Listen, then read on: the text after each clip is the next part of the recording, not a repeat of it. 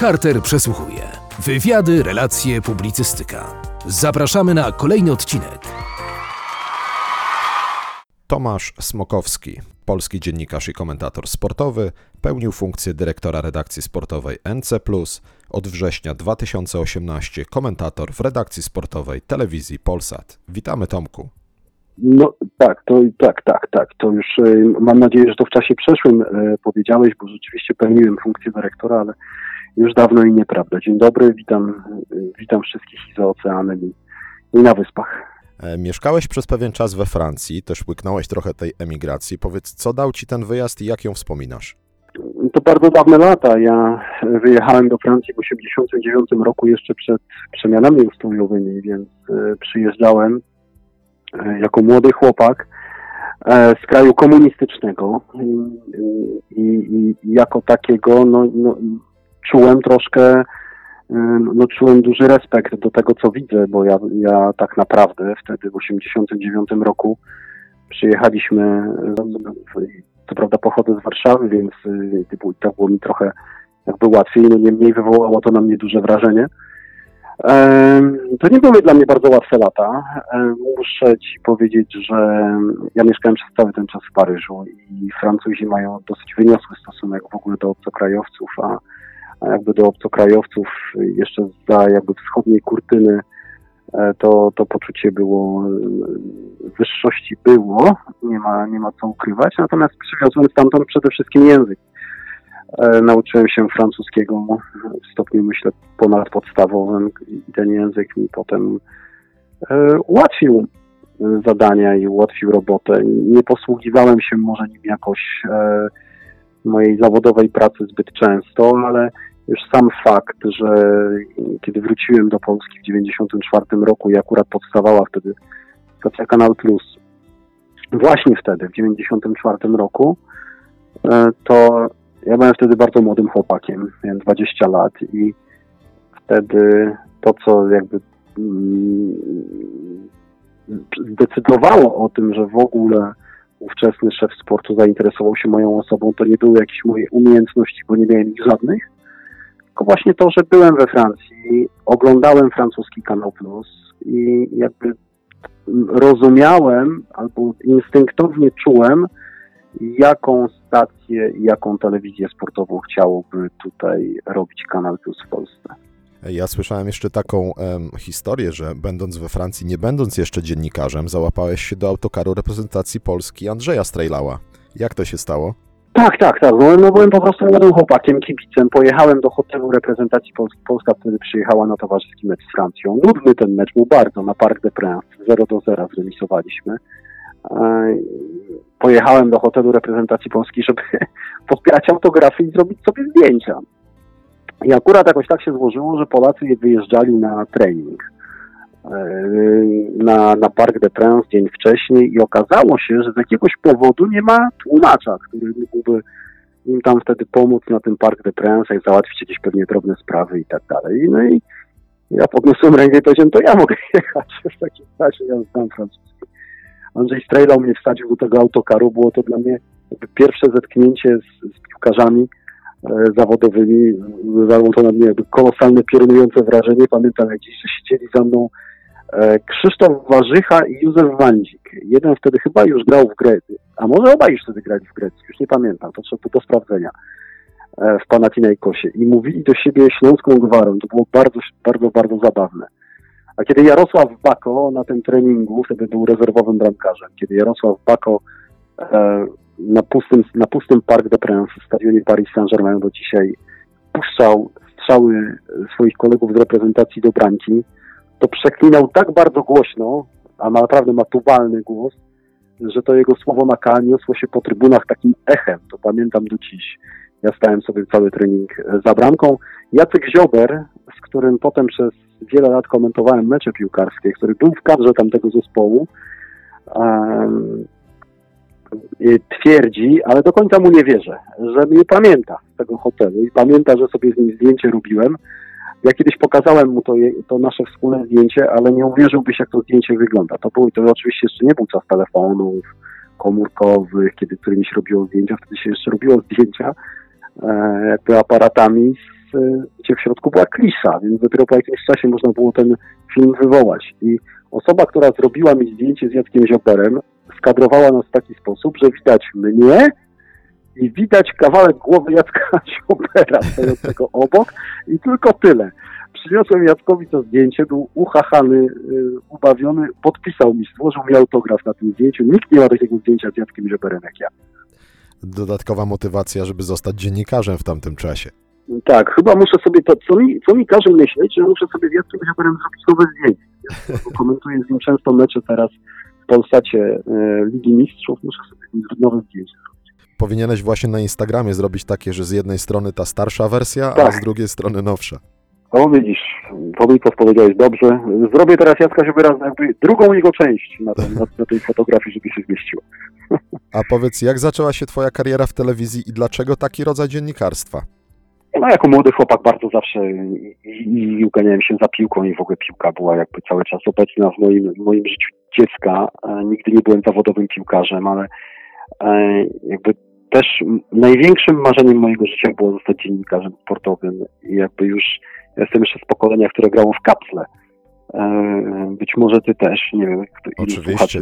wie o co chodzi, ale ja grałem w kapsle jeszcze na podwórku i ja zawsze, to były czasy wyścigów pokoju, ja byłem tą osobą, która zawsze komentowała te nasze wyścigi szkolne, albo kiedy graliśmy w piłkę na przerwach, na lekcjach, to ja też byłem ten, proszę Państwa, proszę Państwa, i komentowałem cały czas te nasze, te nasze szkolne zawody, więc to było zawsze wielkie marzenie mojego życia i udało mi się je spełnić. Nie, nigdy nie chciałem zostać dziennikarzem politycznym, gospodarczym, e, jakimkolwiek innym. E, Zawsze to, co mnie pociągało, to był, to był sport, więc jakby sprowadzając to do najprostszego możliwego mianownika, jestem bardzo szczęśliwym człowiekiem, bo robię w życiu coś, co zawsze chciałem robić w życiu.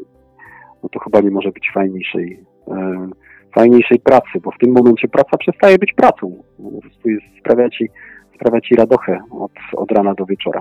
A lubisz też biegać? Ukończyłeś kilkadziesiąt maratonów. Który z nich najbardziej Tak. pamiętasz? No e, bardzo dobrze wspominam mara, maratony nowojorskie, bo to są, e, bo to jest jakby wydarzenie jedyne w swoim, w swoim rodzaju. E, e, Amerykanie mają bardzo, mm, no bardzo fajny stosunek do biegaczy, do, do, do, do, do maratończyków i tych najlepszych i tych, i tych trochę słabszych. Jakby dla nich, e, dla, dla, no dla Amerykanów już przebiegnięcie samego dystansu jest wielkim, wielkim wyczynem. Nigdy niestety nie miałem okazji sprawdzić się w innym majorsie, czyli w Chicago. E, nigdy nie zostałem tam wylosowany. Bardzo żałuję, bo bardzo chciałbym pobiec e, w, e, w Chicago właśnie. I nigdy nie udało mi się wyobrazić sobie pobiec w Londynie. E, to, to jeśli chodzi o majorsy, to są jakby moje jedyne dwa maratony, których, których nie zaliczyłem. Natomiast z takich najciekawszych miejsc, no to chyba byłem, no, no byłem w maratonie, biegłem w maratonie e, za kołem podbiegunowym w Rowaniemi, gdzie był start w wiosnę świętego Mikołaja. Sam święty Mikołaj jakby daje sygnał do startu. W tym maratonie wzięło udział chyba 32 osoby. Maleńki maraton. Fantastyczna sprawa. Jakby przyroda, e, ta fińska przyroda jest, e, no, no była fantastyczna. Wszystko się jeszcze odbywało grubo po północy polskiego czasu, jakby fińskiego czasu, tylko to się odbywa w czerwcu, gdzie są białe noce. W ogóle no jest fantastyczna, fantastyczna otoczka tego biegu. Biegniesz nocą, jest jasno. Na, no, no na ulicy czy na drogi, bo to bie- biegnie się też takimi tymi drogami, wychodzą, wychodzą mieszkańcy Rowaniemi, a, a, a finał całej imprezy jest jakby na jedynym, chciałbym powiedzieć, że największym, ale jedynym deptaku w Rowaniemi, bo to jest dosyć mała miejscowość, a, a, a jakby na tym deptaku po obu stronach jest mnóstwo knajp, gdzie bawią się studenci, ponieważ Rowaniemi to jest studenckie miasteczko i akurat jakoś na przełomie tych dni jest koniec roku akademickiego. Więc możesz sobie wyobrazić, co się dzieje o godzinie trzeciej czy czwartej nad ranem, kiedy dobiegasz na metę i studenci się bawią w knajpach. Widok jest naprawdę piorunujący, ponieważ oni z jednej strony ci wszyscy, oni ci kibicują bardzo, ale powiedziałbym, że są w stanie mocno wskazującym, a jest jasno, więc wygląda to naprawdę, no jest to widok jedyny, niepowtarzalny, ale taki bardzo, bardzo sympatyczny. Specyficzny maraton. Ty uprawiasz wiele sportów. E, słyszałem też taką historię, że kiedyś mało co nie znokautowałeś Grześka Proksę, boksera byłego mistrza Europy w wadze średniej. E, jest, jest to bardzo przesadzona historia z tym nokautem. E, prawdą jest, że rzeczywiście uprawiałem wtedy czas, znaczy uprawiałem wtedy, był taki czas, kiedy uprawiałem sporo boksu, amatorsko, ale już jakby zawsze powtarzam, że nauczyłem się już tego boksu na tyle dużo, żeby wiedzieć, jak mało umiem. Bo dopiero wtedy, kiedy już umiesz sporo, e, dostrzegasz, jak tak naprawdę, co potrafią ci, którzy umieją boksować. Jak jeszcze ci dużo do nich brakuje i że, że nigdy im nie dorównasz, jeżeli zacząłeś boksować w wieku, no ja zacząłem boksować w wieku, żeby nie skłamać, 32-3 lat, no to jakby już są pewne przeszkody, które, które już, których nie jesteś, nawet jeżeli jestem sprawny ruchowo, no to już jednak pewnych rzeczy nie przeskoczysz. Nigdy nie będę taki właśnie taki, taki sprawny i, i taki szybciutki, jak ktoś, kto boksował od małego, jak Grzesiek Proksa. I to był czas, kiedy e, ja boksowałem sobie na, e, w sekcji bokserskiej Legii Warszawa. Moim trenerem był Krzysiek Kosedowski. E, pan trener Krzysztof Kosedowski zawsze mi mówi, co, język boli? Jaki Krzysiek Kosedowski? Ale, ale Krzysiek jest fantastyczny. I, I skończyliśmy mój trening. Krzysiek wyszedł z sali. Zostałem sam w ogóle sali bokserskiej wszedł młody chłopak w rękawicach, spojrzał na mnie, ja tam już się rozciągałem, jakieś tam robiłem ostatnie brzuszki, coś tam coś sobie robię i on mnie pyta, słuchaj, nie chciałbyś mnie rozgrzać trochę, byśmy tutaj posparować rundkę dwie? Ja mówię, no dobra, no w sumie nie zdjąłem jeszcze rękawic, możemy wejść. Ja już co prawda byłem połon, dopiero się rozgrzewał. No i wszedł chłopak, opuścił ręce i zaczyna taką troszkę taką bujankę, no widzę uniki i tak dalej, i tak dalej. Widzę, że jest, no widzę, że jest sprawny, szybki, ale tak mu w pewnym momencie ja opuściłem ręce i mówię, posłuchaj, podnieś ręce, bo sypnę. E, no, no, spróbuj, spróbuj, tak. No i rzeczywiście jakoś tak zamarkowałem cię z prawą ręką. E, Grzesiek się odchylił. Jeszcze nie wiedziałem, że Grzesiek to jest Grzesiek. Cały czas jakby nie wiem, kim jest ten człowiek. E, no i wprowadziłem lewy prosty, który wszedł. No wszedł mu prosto na nos, akurat jakoś tak byłem w półdystansie. Widzę, że on mi w ogóle nie próbował oddawać przez ten cały czas, więc widzę, że w ogóle generalnie chłopak umie boksować, on chciał się tylko tak trochę poruszać.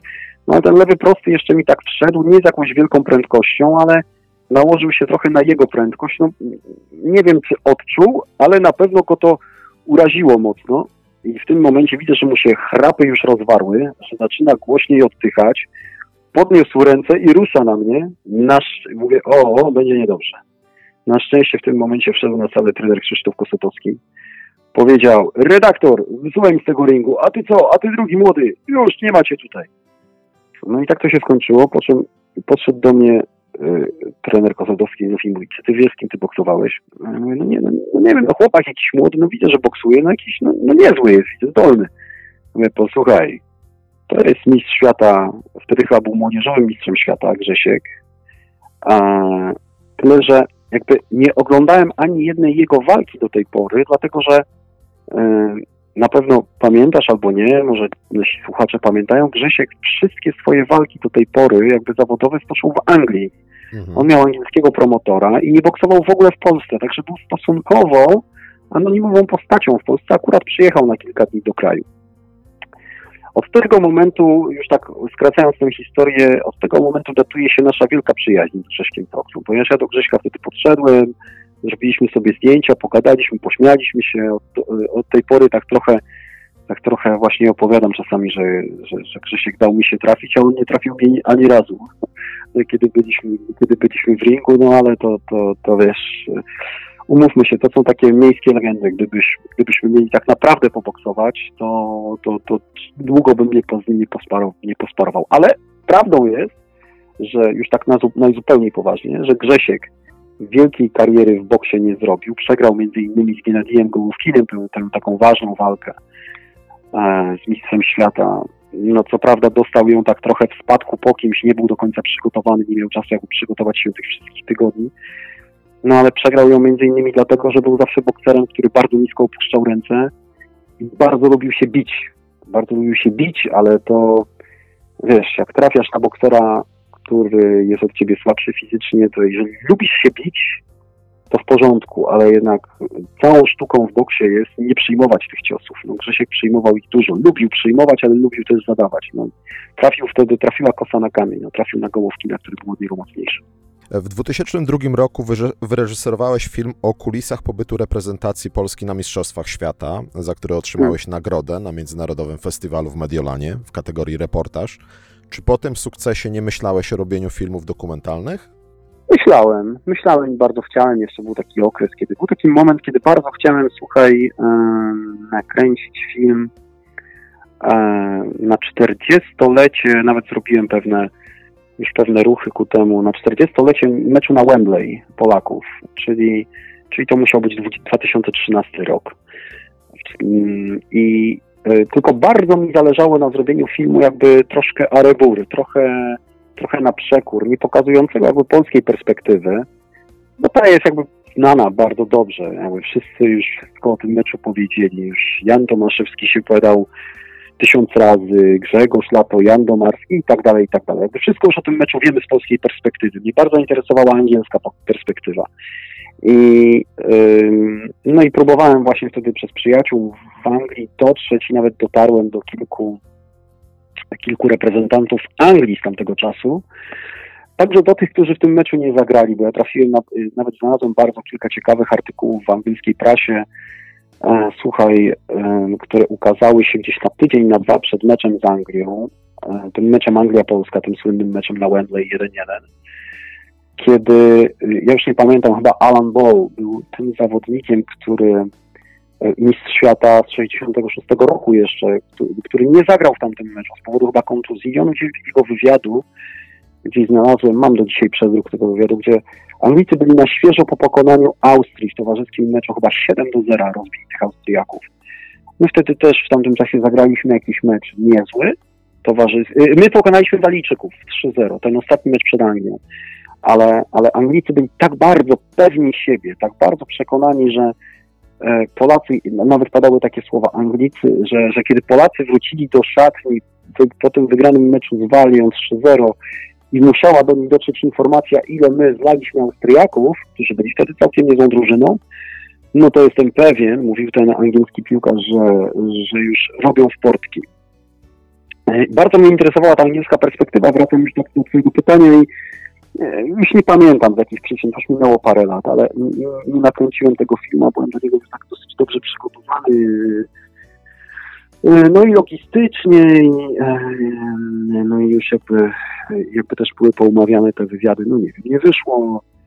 E, potem myślę, że tak teraz sobie myślę, tak, tak, tak, tak, tak, tak, tak z głowy, że to też jest, no to był ten okres, kiedy ja byłem szefem sportu w Kanal Plus, więc prawdopodobnie jakby obowiązki służbowe i takie, takie, takie firmowe gdzieś mnie odciągnęły od, od zrobienia tego filmu. No nie wiem, może w 2023, jak będzie 50-lecie tego filmu, chociaż no, nie da się ukryć, że się bohaterowie starzeją tamtych wydarzeń. No i jest coraz więcej tak naprawdę bieżących tematów, do których można zrobić filmy dokumentalne. No ale, no wiesz, ale tamten mecz ma, no pewnie znowu słucha nas sporo osób, które, które mieszkają mm, gdzieś na wyspach sądzę, że to jest, że jeśli tak teraz wyjdą na ulicę i popytają, zwłaszcza starszych, y, starszych Anglików, to to jest dla nich bardzo traumatyczne przeżycie, bo Anglicy mieli wtedy ciągle jeszcze pełne przekonanie, że są najlepszym zespołem świata. Byli mistrzami z 66, a w 70 roku y, na własne życzenie odpadli w ćwierćfinale z Niemiecką Republiką Federalną, czyli Republiką Federalną Niemiec kiedy trener Alf Ramsey wtedy ściągnął z boiska swoich podstawowych Bobby'ego Charltona, już go oszczędzając na półfinał. A, a tutaj były kolejne finały, Anglicy byli dalej przekonani, że w cukrach wygrają grupę ze słabymi Polakami, Walijczykami i, e, i dalej idą i pojadą na Mistrzostwa Świata w Niemczech zdobyć tytuł. Ten, ja wiem na pewno, że ten mecz, tak jak u nas jest wspominany do dzisiaj, zwłaszcza przez pokolenie moich rodziców, tak w Anglii e, było wspominane no, jako, jako najbardziej traumatyczne e, przeżycie, z którego to dzisiaj e, powiedziałbym, wygrywając za każdym razem z Polską, wspominają, że jest to w pewnym sensie jakiś tam rewanż za ten Wembley, za ten, za ten remis, który ich wyrzucił z finału Mistrzostw Świata. Powiedz, wracając jeszcze do Kanal Plus, byłeś związany z nimi 23 lata, tam pełniłeś też 3 lata funkcję dyrektora redakcji sportowej. Dlaczego odszedłeś? Tak. Oj, to już za dużo mówić. Myślę, że nie jestem, e, nie jestem, e, powiem tak, e, czułem się dobrze na tej, na funkcji być, bycia osobą, jakby bycie dyrektorem, jakby liderem ludzi, bo uważam, że bez fałszywej skromności, że, że znam się na telewizji i potrafię jakby też mam w sobie cechy, cechy lidera, nie, nie, nie, też nie, nie unikam odpowiedzialności i myślę, że byłem dla moich ludzi dobrym szefem tak po prostu i zwyczajnie. Natomiast nie, nie, nie potrafię się odnaleźć i znacznie ciężej jest mi się odnaleźć w strukturach korporacji. To jest zupełnie coś, co mnie e, no, co z perspektywy czasu mnie spaliło. Nie spaliłem sobie skrzydełka, nie, nie, nie lubię tego, nie lubię wielogodzinnych spotkań, nie lubię jakby tych nasiadówek, e, przyjmując funkcję szefa redakcji sportowej, być może naiwnie myślałem, że e, będę miał jeszcze większy wpływ, chociaż i tak już miałem duży wpływ na, na to, jak będzie wyglądać sport e, w, w Kanal Plus i że będę, będę go po prostu robił teraz tak, jak, jak go sobie wymarzyłem, wymyśliłem e, i że będziemy się tym bawić. No tymczasem okazuje się, no, że jednak w, w takich firmach, ale to myślę nie jest jakby to, to, to nie jest tylko cecha Kanału Plus, tylko wszystkich telewizji, gdzie sport jest ważny. No, tutaj sport w płatnej telewizji jest ważny. Mm, no to bycie szef, szefem redakcji sportowej oznacza, że musisz, że, że coraz więcej, coraz częściej um, musisz się odrywać od sportu i, i zaczyn i, i, i uczestniczyć w zebraniach zarządu chociażby całej stacji, bo, bo, bo, sport jest ważny, więc musisz ty też w tym uczestniczyć, a ja się w tym no po prostu nie odnajdywałem. Tak trochę, mówiąc, mówiąc tak trochę obrazowo, wilki nie lubią być w klatkach. Wilki lubią biegać na wolności, a ja jestem takim wilkiem trochę. Czy potrzebowałeś tej przerwy od komentowania, bo miałeś, zniknąłeś na kilka miesięcy ze względu na kontrakty? Czy brakowało ci w tym czasie telewizji? Zupełnie szczerze, to mi nie brakowało telewizji. Przez tych, ja miałem rzeczywiście po odejściu z Kanał Plus, po, po tych dwudziestu paru latach, miałem zakaz konkurencji, zakaz konkurencji na okres prawie roku, ale to też był taki moment, kiedy po dwudziestu kilku latach no, ostrej pracy, takiej antenowej pracy, poczułem, że, że basta, że dobrze, że, tak, że tych kilka miesięcy mi się naprawdę przyda i będę miał je dla siebie i będę miał je dla rodziny swojej i będę miał je dlatego, żeby, żeby poczytać sobie książek więcej i będę miał na to, żeby w ogóle pojechać i nic nie robić i wypocząć i był to naprawdę taki czas, kiedy naładowałem akumulatory i nawet był taki moment, kiedy e, nie oglądałem w ogóle piłki przez, przez kilka tygodni, o dziwo. Na przykład przychodził okres e, świąteczno-noworoczny, kiedy zawsze katuję ligę angielską, bo tylko ona wtedy gra i uwielbiam to i nie obejrzałem ani jednego spotkania i nie miałem jakby do siebie żadnych um, wtedy pretensji, nie miałem wyrzutów sumienia, po prostu dałem sobie ten, dałem sobie ten czas. Ale to był dobry czas. To był taki czas, który mi był potrzebny po, po dwudziestu kilku latach takiej naprawdę ostrej jazdy. Najbardziej pamiętne wydarzenie sportowe, jakie komentowałeś? No nie wiem, mam na świeżo ten mecz sprzed kilku tygodni, nie tygodni, miesięcy ćwierćfinale Ligi Mistrzów Manchester City Tottenham, który, który City wygrało 4 do 3, ale finalnie odpadło w Lidze Mistrzów w ćwierćfinale i to był taki naprawdę, to był taki rollercoaster, to był taki mecz z gatunku nie do wiary, z gatunku to się nie dzieje, e, że ja nie zasnąłem prawie całą noc. Byłem taki cały czas podminowany i taki naładowany adrenaliną, ale takie właśnie mecze powodują, że no miałem znowu jakby wróciły do mnie te takie najbardziej, e, te, te takie pierwsze e, uczucia wobec piłki nożnej, wobec dziennikarstwa sportowego na zasadzie wow, jak fajnie, że ja to mogłem zrobić, że to mogłem skomentować. Dało mi to taką ogromną radochę. E, ten czas podczas komentowania tego spotkania minął mi tak bardzo szybko, że, że znów poczułem się jak, no, jak młody chłopak, jak młody dzieciak. Cieszyłem się naprawdę jak dziecko, że mogę taki mecz skomentować. Coś niesamowitego. Czy możesz nam zdradzić, jak wygląda i jak długo trwa przygotowanie do komentowania na przykład meczu piłkarskiego? Kiedy jest mi zadawane to pytanie, nigdy nie potrafię odpowiedzieć tak, tak, tak w sposób jednoznaczny, dlatego że takie, wiesz, rozmawiasz z kimś, kto bardzo lubi swój zawód, kto bardzo lubi swoją pracę. Jakby dzwoniąc dzisiaj do mnie, e, oderwałeś mnie, to żaden zarzut, broń Boże, ale oderwałeś mnie od czytania lub jakiejś pracy sportowej, bo którą sobie akurat czytam. Więc robię to. Po prostu to, to, to jest nieustający proces, który, który się dzieje. Ja po prostu interesuję się sportem.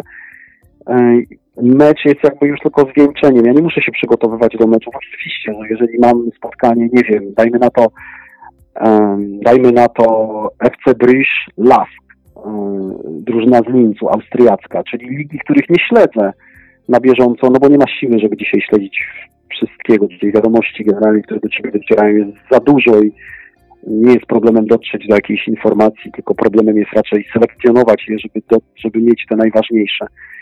Więc wracając do takiego meczu Bridge Lask, oczywiście do takiego spotkania musiałem sobie posiedzieć trochę i posiedziałem dwa pełne dni, żeby trochę sobie obejrzeć e, skrótów. Nie miałem dostępu do pełnych spotkań, ale obejrzałem sobie skróty kilku meczów i i Lask, więc widziałem już trochę o tych zawodnikach. Trochę sobie poczytałem prasę. Nie jest mi łatwo, bo nie znam niemieckiego, ale ktoś mi pomógł. E, w internecie, muszę Ci powiedzieć, na Twitterze można znaleźć y, fanatyków wszystkich lig świata. To zupełnie niesamowite. Ja napisałem jakby taki, taki apel, e, czy są tutaj ludzie, którzy interesują się ligą austriacką, ligą belgijską i za chwileczkę ktoś się odezwał. Także to w ogóle fantastyczne tematy. Podobnie było z ligą norweską, bo komentowałem mecz Rosenborga.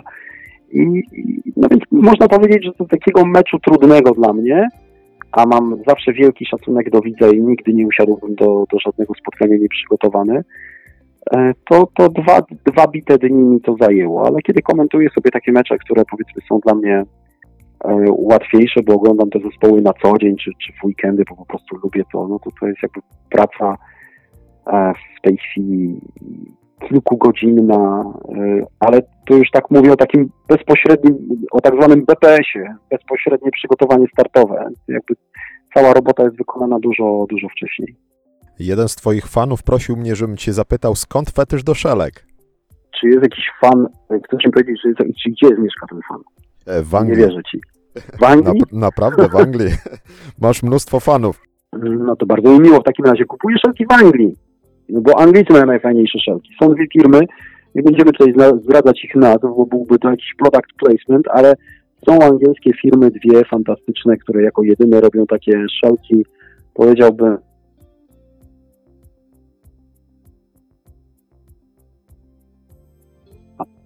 bo te takie najfajniejsze szelki, muszę Ci powiedzieć, ostatnio znalazłem, nawet wczoraj chodziłem po E, po, po, po takiej stronie, no kupuję w internecie szelki, tak, kupuję w internecie, czasami na eBayu, bo, bo tam na aukcjach można znaleźć fajne szelki. Wczoraj na, gdzieś widziałem aukcję, wyobraź sobie, para szelek kosztuje, fajny, piękny, ale kosztuje chyba 2,5 tysiąca funtów.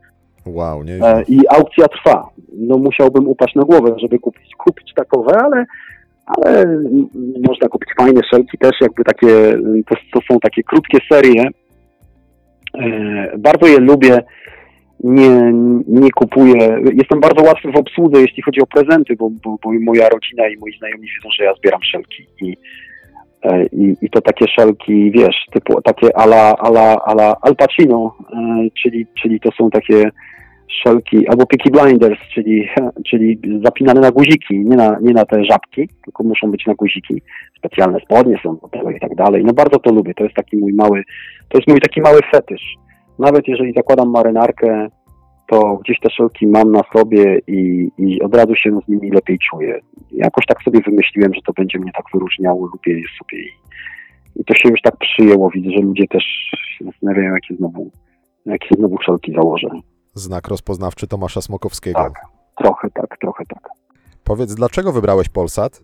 To nie, nie, to Polsat trochę mnie wybrał, wiesz, to, to, to, był taki moment w mojej karierze, kiedy ja sobie wymyśliłem, że chciałbym robić już e, dużo rzeczy swoich w internecie i, i, jakby to był ten moment, taki, to, to, to nas poróżniło z kanałem Plus, bo kanał nie chciał się na to zgodzić. Ja nie chciałem odchodzić z kanału Plus, ja chciałem tam jakby robić jakby równolegle pewne rzeczy pewne rzeczy e, robić i tu, i tu. Mm, No i kiedy odszedłem z kanału, byłem już jakby na tym okresie długim wypowiedzenia, no to jakby obiło się szerokim echem e, w całej, w całej Polsce. Mm, Nawet pamiętam, że leciałem wtedy na mecz reprezentacji Polski i tego samego dnia, kiedy ja odszedłem, chyba albo Paweł Wszołek, albo Łukasz Teodorczyk zmienił klub. I pamiętam, że wsiadałem do samolotu reprezentantów i to chyba Wszołek albo Teodorczyk i cała reprezentacja się śmieje. Ty, Smok, twoje odejście przyćmiło transfer właśnie Wszołka albo Teodorczyka, ha, ha, ha, że, że to jest, nie jest już pierwsza informacja. No więc kiedy to się okazało, że odchodzę, nie miałem, nie miałem w ogóle wtedy e, w głowie, że chcę trafić do innej telewizji to, to szef Polsatu, szef redakcji sportowej Marian Kmita mm, zagaił mnie, czy może nie miałbym ochoty mm, popracować także dla nich z Liga Mistrzów. Fantastyczny produkt, przecież super sprawa.